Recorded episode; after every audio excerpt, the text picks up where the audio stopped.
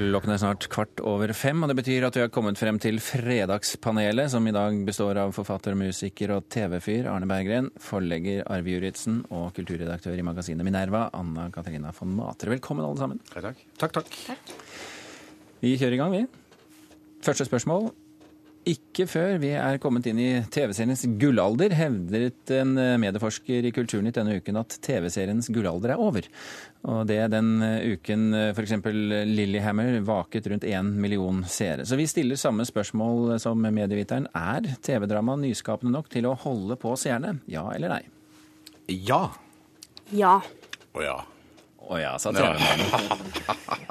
Det var litt skuffende, Bergen. Du pleier ja. å bidra med litt motstemmer her. Men du skal få lov til å fortelle hvorfor. Nei, Det er kort og godt ingen i TV- og mediebransjen som vet hvordan den utvikler seg de neste seks månedene. Så helt tatt å spå noe som helst i den bransjen er jo, er jo selvmord. Men det betyr at man like gjerne kunne spådd eh... Ja, jeg mener jo det.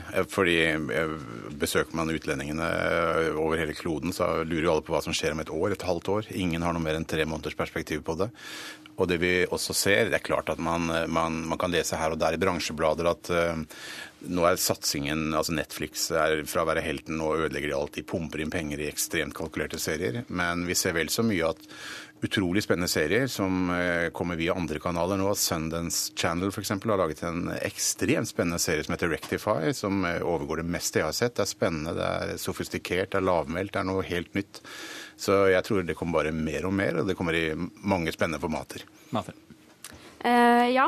Uh, det, det, er jo ikke noen grunn til å argumentere mot uh, TV-fyren. TV um, nei, men det er jo Vi, vi ser jo ekstremt mye TV-serier. jeg er jo en sånn Netflix-bruker, og du er jo helt Du trenger ikke engang å trykke play på neste episode, for de bare kommer av seg sjøl. Du må skru på TV-en? ja, du må skru på Nei, du trenger ikke engang det hvis du har en sånn Google-boks. da kommer det opp automatisk. Men ja, Stopp der, du skal se på TV. ja, ja, men det er jo nesten sånn. Um, og da er det jo selvfølgelig Det de store spørsmålet er jo hva gjør sånn som Netflix og Amazon og disse store med kvaliteten på seriene? Uh, fordi finansieringen av serien har jo åpenbart noe å si for kvaliteten. Um, men sånn som det er nå, det er jo et mangfold av uh, ulike finansieringsmetoder. Uh, og uh, de som liksom tradisjonelt sett har laget dårligst kvalitet, er jo de kommersielle TV-kanalene som sender reklame. De har jo ikke så mye insentiv til å men. Men kan vi likevel bli lei? Altså, det må jo utvikle seg fremover uansett? Ja, men det, det må jo det. Men, men, det er jo såpass eh, jeg tror jo ikke vi går lei. Det er jo veldig mange av de samme formlene som går igjen. Vi blir jo ikke lei av det. Vi blir jo ikke lei av krim. Når du ser hvor hurtig TV-mediet endrer seg, Juritzen, er du glad for at du holder på med forlag? Nei, er du gæren. Forlag skal jo forandre seg mye fortere enn TV holder på med. Men, men, nå ble det varslet her at hvis man mener noe mer enn tre måneder fram i TV-bransjen, så begår man selvmord. Så da gjør jeg det. Ok, kom igjen. Eh, altså Intellektuelt har... selvmord, vil jeg merke. Ja. Vi har ikke sett begynnelsen på denne revolusjonen. Eh, og en av grunnene er den nye teknikken eh, som nå Hollywood også tar i bruk med små teams, små kameraer, altså digitale tingene. Jeg har bekjent av meg som er en av regissørene på 24-serien. Og de er jo nå altså fra å være 100 mann på opptak for å skyte en scene, så er de nede i 20, de også. Eh, og det gir en annen kreativitet, som jo kommer på alle disse stedene dere nevnte. Og ikke minst økonomien til å utvikle det. Så TV-drama er helt i begynnelsen på noe kjempespennende framover. Vi vet jo det, Arne Bergen, at eh, alt går i sykluser. Eh, det vil vel også være TV-dramas eh, skjebne. Og i så fall, hva er det som gjør en gang i fremtiden, nå skal du også begå intellektuelt selvmord her. Hva er det som kommer til å gjøre at det går altså, det, det, skjer så mye spennende. Så, så, hva var spørsmålet? Du sa sykluser? Alt går i sykluser? Jeg føler at jeg hørte et spørsmål før. ja, ja. Alt går i sykluser. Hva er det som i, i tilfelle gullalderen er over, kommer til å være drepen for TV-serien? TV nei, jeg kan ikke helt se det, hva det skal være. Det er Noen sier at internett suger kreativiteten ut av enhver bransje. Jeg syns bare man ser eksempler på tvert om hele tiden, om og om igjen. Uh, og sånn. Ja, men Det er vel grenser for mye folk kan konsumere på, på en gang. Men jeg kan ikke begå det selvmordet her nå for åpen mikrofon og prøve å påstå at jeg vet hva det skulle være. Tvert om. Altså, jeg er helt enig. Ny teknologi, nye måter å streame på, nye måter å fortelle på. Men, men, men ble grenseløst optimistisk og veldig positiv i inngangen på denne helgen. Ja, nei, det var hyggelig. og må vi huske på at, at, at TV-drama er jo et svar på denne traurige eh, realityen som nå har drept oss snart. Og det er jo, ikke sant? Altså, Dette er, vi har kommet til live igjen, rett og slett. Vi har kommet til live igjen. Eventyrene fortelles på nytt. Apropos å komme til live igjen, vi skal nå til kirken. Det var overgangen sin, tenker jeg. For denne uken så fortalte vi om Grorud kirke, som lager halloweenfest med godteri mellom gravene og kryptvandring til skummel orgelmusikk og det hele. Kirkegården er ingen lekepark, mente på sin side salmedikter Eivind Skeie, som kalte det hele morbid. Så vårt spørsmål blir enkelt og greit, er kirken det rette stedet for halloweenfeiring? Absolutt, ja. Ja. Nei. Du var så absolutt, og det har noe med at du selv er kirkegjenger på Skøyen? Ja, Jeg sitter jo i menighetsrådet og er veldig alvorlig på sånne ting, fordi eh, vi må finne på nye ting i kirken. Eh, Og så må vi huske på at halloween har jo faktisk noe med allehelgensdag å gjøre. Så hvis at kirken drar den litt tilbake igjen, eh, så er det fint. Pluss at jeg syns at kirken skal være der hvor folk er, skal holde på med det folk er opptatt av, eh, i sine rammer. Så dette syns jeg er kjempefint. Nå har jeg, ikke, har jeg ikke sett hva det er gjort på Grorud, så hvis at det er på en måte helt usmakelig så Jeg tror ikke det er helt usmakelig. Nei, jeg tror heller ikke det. Det er flinke folk der oppe. Jeg kjenner noen i menighetsrådet der, så jeg tror at dette var fint og verdig og en, eh, bra måte. Et godt alternativ til å bare gå og be om godterier. Berggren? Ja, men jeg hører, det Her er det forleggeren Juritzen, som er en av landets beste og nytenkende, snakker jo også om kirken er det samme. Det er jo, Jeg vil jo ha kirke som ikke forandrer seg så mye. Jeg tror den skal liksom være sånn var. Og det er klart at eh, man skal ikke markedstilpasse seg kirken. Det, Det har kirken alltid gjort. Ja, det- helt siden reformasjonen har man gjort det. Men før det så var det noen staute folk som liksom holdt på trua. Men du Eh, gikk, du gikk jo hen en gang og ble katolikk, gjorde du ikke det? Ja, ja. Så, sånn- du liker jo litt oppspill og lys og den slags? Jeg liker oppspill, men jeg, jeg unner ikke den norske statskirken å få lov å, liksom, å gå på det markedet der når de var så, de var så kjipe på, på, under reformasjonen og pælma ut så mye av dette. Og det, det, skal de, det skal de angre på nå. Ja, jeg mener at her er det katolikkene som bør høste bonusen. Og er altså. det noe protestanter kan, så er det jo å angre. Ja, men De har jo prøvd i årevis å stenge folk ute. Liksom, på 50-tallet var det jo forbudt å tenne lys på norske kirkeår på julaften. Og det, det må de nå bare innse at de må ta straffen for. Du er nok å ta med deg røkelsen og komme. Det er helt ålreit. Du er velkommen. Matere, du må rydde opp i dette. Ja, ja jeg, eh, jeg har faktisk jobbet i Grorud kirke, eh, og jeg kan skrive under på at det er, de har en skummel krypt og en ganske skummel kirkegård om kvelden. Så det er jo liksom det ideelle stedet å feire halloween når du har på en måte orgelmusikken i, eh, i kirken i tillegg. Um, og det betyr jo faktisk at det, det er et område de må forsvare fra en kommersiell sfære. Nettopp fordi at det, det er jo så perfekt da, for halloweenstemning.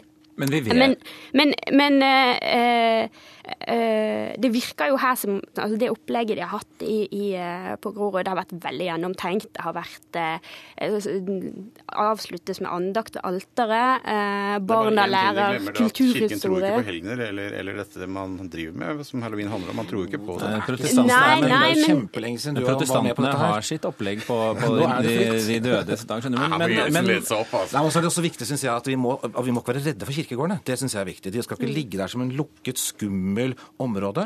Eh, Det er ofte de vakreste parkene i mange områder. Jeg går gjennom kirkegården hver dag, og det er en fantastisk opplevelse. Noe nytt som skjer men, hver dag. men så vi la oss, vet la jo oss bruke de. vi vet jo hva Jesus mente om kommersialisering i og rundt kirken. Kosta jo ikke noe å være med her, gjorde det? Nei, men det er jo barna, men halloween er da sannelig et kommersielt produkt slik den fremstår for tiden? Jeg kan Ja, men sy det- et det- lite laken selv, vet du. De har lang tradisjon for å bruke eh, andre kulturuttrykk i kirken, og det er både rocken og juletreet er jo allerede inne, så Bettan er i kirken. Bettan er i kirken, ikke minst. Artist på artist er i kirken. Ja. Åpner opp rommet, bruker det. La de små barn komme til meg, men altså, det var ikke noe spesifikt på godteri og masker og sånne ting. Nei, jeg tror det var, det var ikke så mye av det. Dette er en utglidning, Jurisen. Dette er... Dette trekker folk til kirka, og det er veldig fint. Ja, Du skal få lov til å få konklusjonen på det, Juridsen. Um, vi går til neste og siste spørsmål. Uh, medienes dekning av spørsmålene rundt Sylvi Listhaugs overgang fra kommunikasjonsbransjen til posten som statsråd er preget av en blanding av forakt og kunnskapsløshet. Det skrev Hans Christian Vadseth i en kronikk i Aftenposten denne uken. Vadseth er seniorrådgiver i firmaet First House, som Listhaug forlot for statsrådsposten. Og det runde spørsmålet i dag eh, er, det er har Vadseth gode poenger her, Berggren? Ja. Ja. Han har ingen poenger. Nei. Han er poengløs, det er det som er problemet. Det er dette. Altså First House må jo skaffe seg noe PR-byrå snart som kan hjelpe de å kommunisere bedre enn det de selv gir råd om. Uh, altså jeg syns jo det er trist å sitte og se et mediebyrå som ikke klarer å håndtere denne saken. Hver gang de åpner munnen, så skjønner vi alle at det er bare muffes de driver med. Altså Hvis du ikke kan fortelle om hva slags kunder du har, og hvis kundene ikke kan fortelle at de får hjelp av et PR-byrå, så er det jo en grunn til det. Ergo de driver med noe som må holdes i skjult. Så Valseth har ingen poenger, annet enn at det er flaut, det, er flaut, det de sier. Det er vel ikke helt riktig. Man får ta uh, først seg litt i forsvar her. De, de snakker om forretningshemmeligheter. Ja, men altså, Hva er det som er så vanvittig hemmelig med at noen bruker et PR-byrå? Alle vet at alle de store selskapene bruker et PR-byrå. Alle vet at alle som har penger, påvirker politikerne. Det er ingen hemmelighet.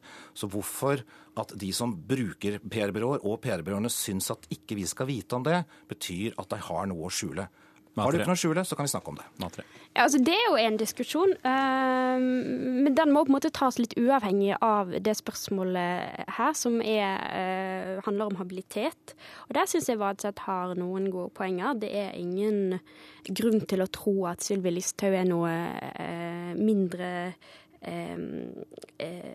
altså har noe mer bindinger da, enn en andre statsråder og andre i apparatet. Da kan de snakke om hvis det ikke er noe binding. Hvis det ikke er farlig, hvis alt er så fint, så kan vi snakke om det.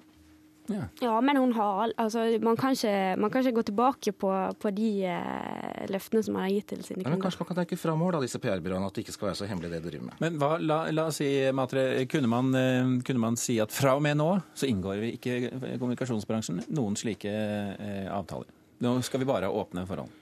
Ja, det, man kunne jo altså, det, Man gjør jo det i andre land. Um, men det vil vel alltid være det vanskelige. Du kan ikke lage en lov for det, syns jeg, da. Uh, så da blir det jo litt vanskelig. Det vil alltid være noen som ikke tilbyr det, og da blir jo de veldig populære. Det måtte være kommunikasjonsbransjen selv. Mm. Bergen, du syns Vadseth uh... Jeg legger merke til hvordan jeg på en pussig måte binder det sammen litt paradoksalt. Fordi jeg mener at uh, juristen har jo rett. Jo de, de, jeg ville jo aldri gått til First House hvis jeg ville ha noe råd om hvordan jeg skal opptre i offentligheten. Det er jo helt klart. Men, men, uh, men Valseth har et poeng, og ikke minst fordi han er journalist sjøl, i bunn og grunn. Uh, hans, det han antyder, er vel på en eller annen måte at journalister og dere i pressen er pompøse, selvopptatte, kunnskapsløse. og Han vet jo dette fra innsiden sjøl, og ofte bringer debatter inn spissformulert og iscenesatt på helt bristende grunnlag. Det har han rett i. Det er det han har rett i. Men det var, ikke, var det det du mente? At, det var ikke et elegant måte å sno meg unna. jo. jo, men jeg mener, altså, det er jo det altså, De fleste debatter i, i mediene i dag er jo, bunner jo ut i kunnskapsløshet. og et desperat forsøk på å sette noe på spissen. Uh, jeg, jeg, jeg, mener jo at uh, Jeg er helt enig med, med, forleggeren her igjen. altså faktisk at uh, det er klart at Hvorfor skal dette være så muffens? Jeg har selv mange år i reklamebransjen. Hvorfor, var, ingenting var jo hemmelig der. Hvorfor, Sto det til og med som har? Ja, hva er det med PR-bransjen som er så spesielt? Spesielt, annet enn at det er sannsynligvis dritpinlig når man begynner å se inn i hva de driver med. det er derfor det er, skam, det er skambelagt å jobbe i den bransjen. Også, ja, det må det være. Og så er det en ting til som jeg syns er rart, og det er jo politikere som tar imot disse hemmelige agentene som kommer fra de hemmelige kundene. Ja. Hvorfor gjør politikerne det? Hvis, altså, Hvorfor sier ikke politikerne at vet du hva, hvis du skal komme til meg og snakke om noe på vegne av noen, så vet du hvem du snakker for? Jeg vil vite du, hvorfor du kommer dit, og jeg må kunne få lov til å si at nå har jeg hatt besøk av First Price, holdt jeg på å si, First House, eh, som har snakket om First Price. Det var det jeg skulle prøve å sagt. Men hadde jeg, hatt, hadde jeg hatt, jobbet med Listhaug nå, altså på forhånd, så hadde jeg holdt kjeft om det. Når jeg ser hvordan hun opptrer nå, så hadde jeg jo holdt kjeft om det, selvfølgelig. Men mater, kan det være at, de rett, at politikerne her forstår at det er ikke noe hokus pokus som skjer i disse eh, kommunikasjonsbyråene? At politikerne forstår det? Ja, Sånn at de da ansetter de inn i politikken igjen? Uh, ja, at terskelen blir lavere for å komme inn igjen? Mm. Uh, det kan jo hende. Altså det, men det betyr jo ikke at den overgangen ikke er problematisk. Og så er det så mange sånne overganger. Jeg tenker på at Dette er jo one happy family, og vi lukker døra. Jeg liker ikke. Vi lukker ikke døra, vi åpner den sånn at dere kan slippe ut av studio her. For Fredagspanelet er nå ferdig.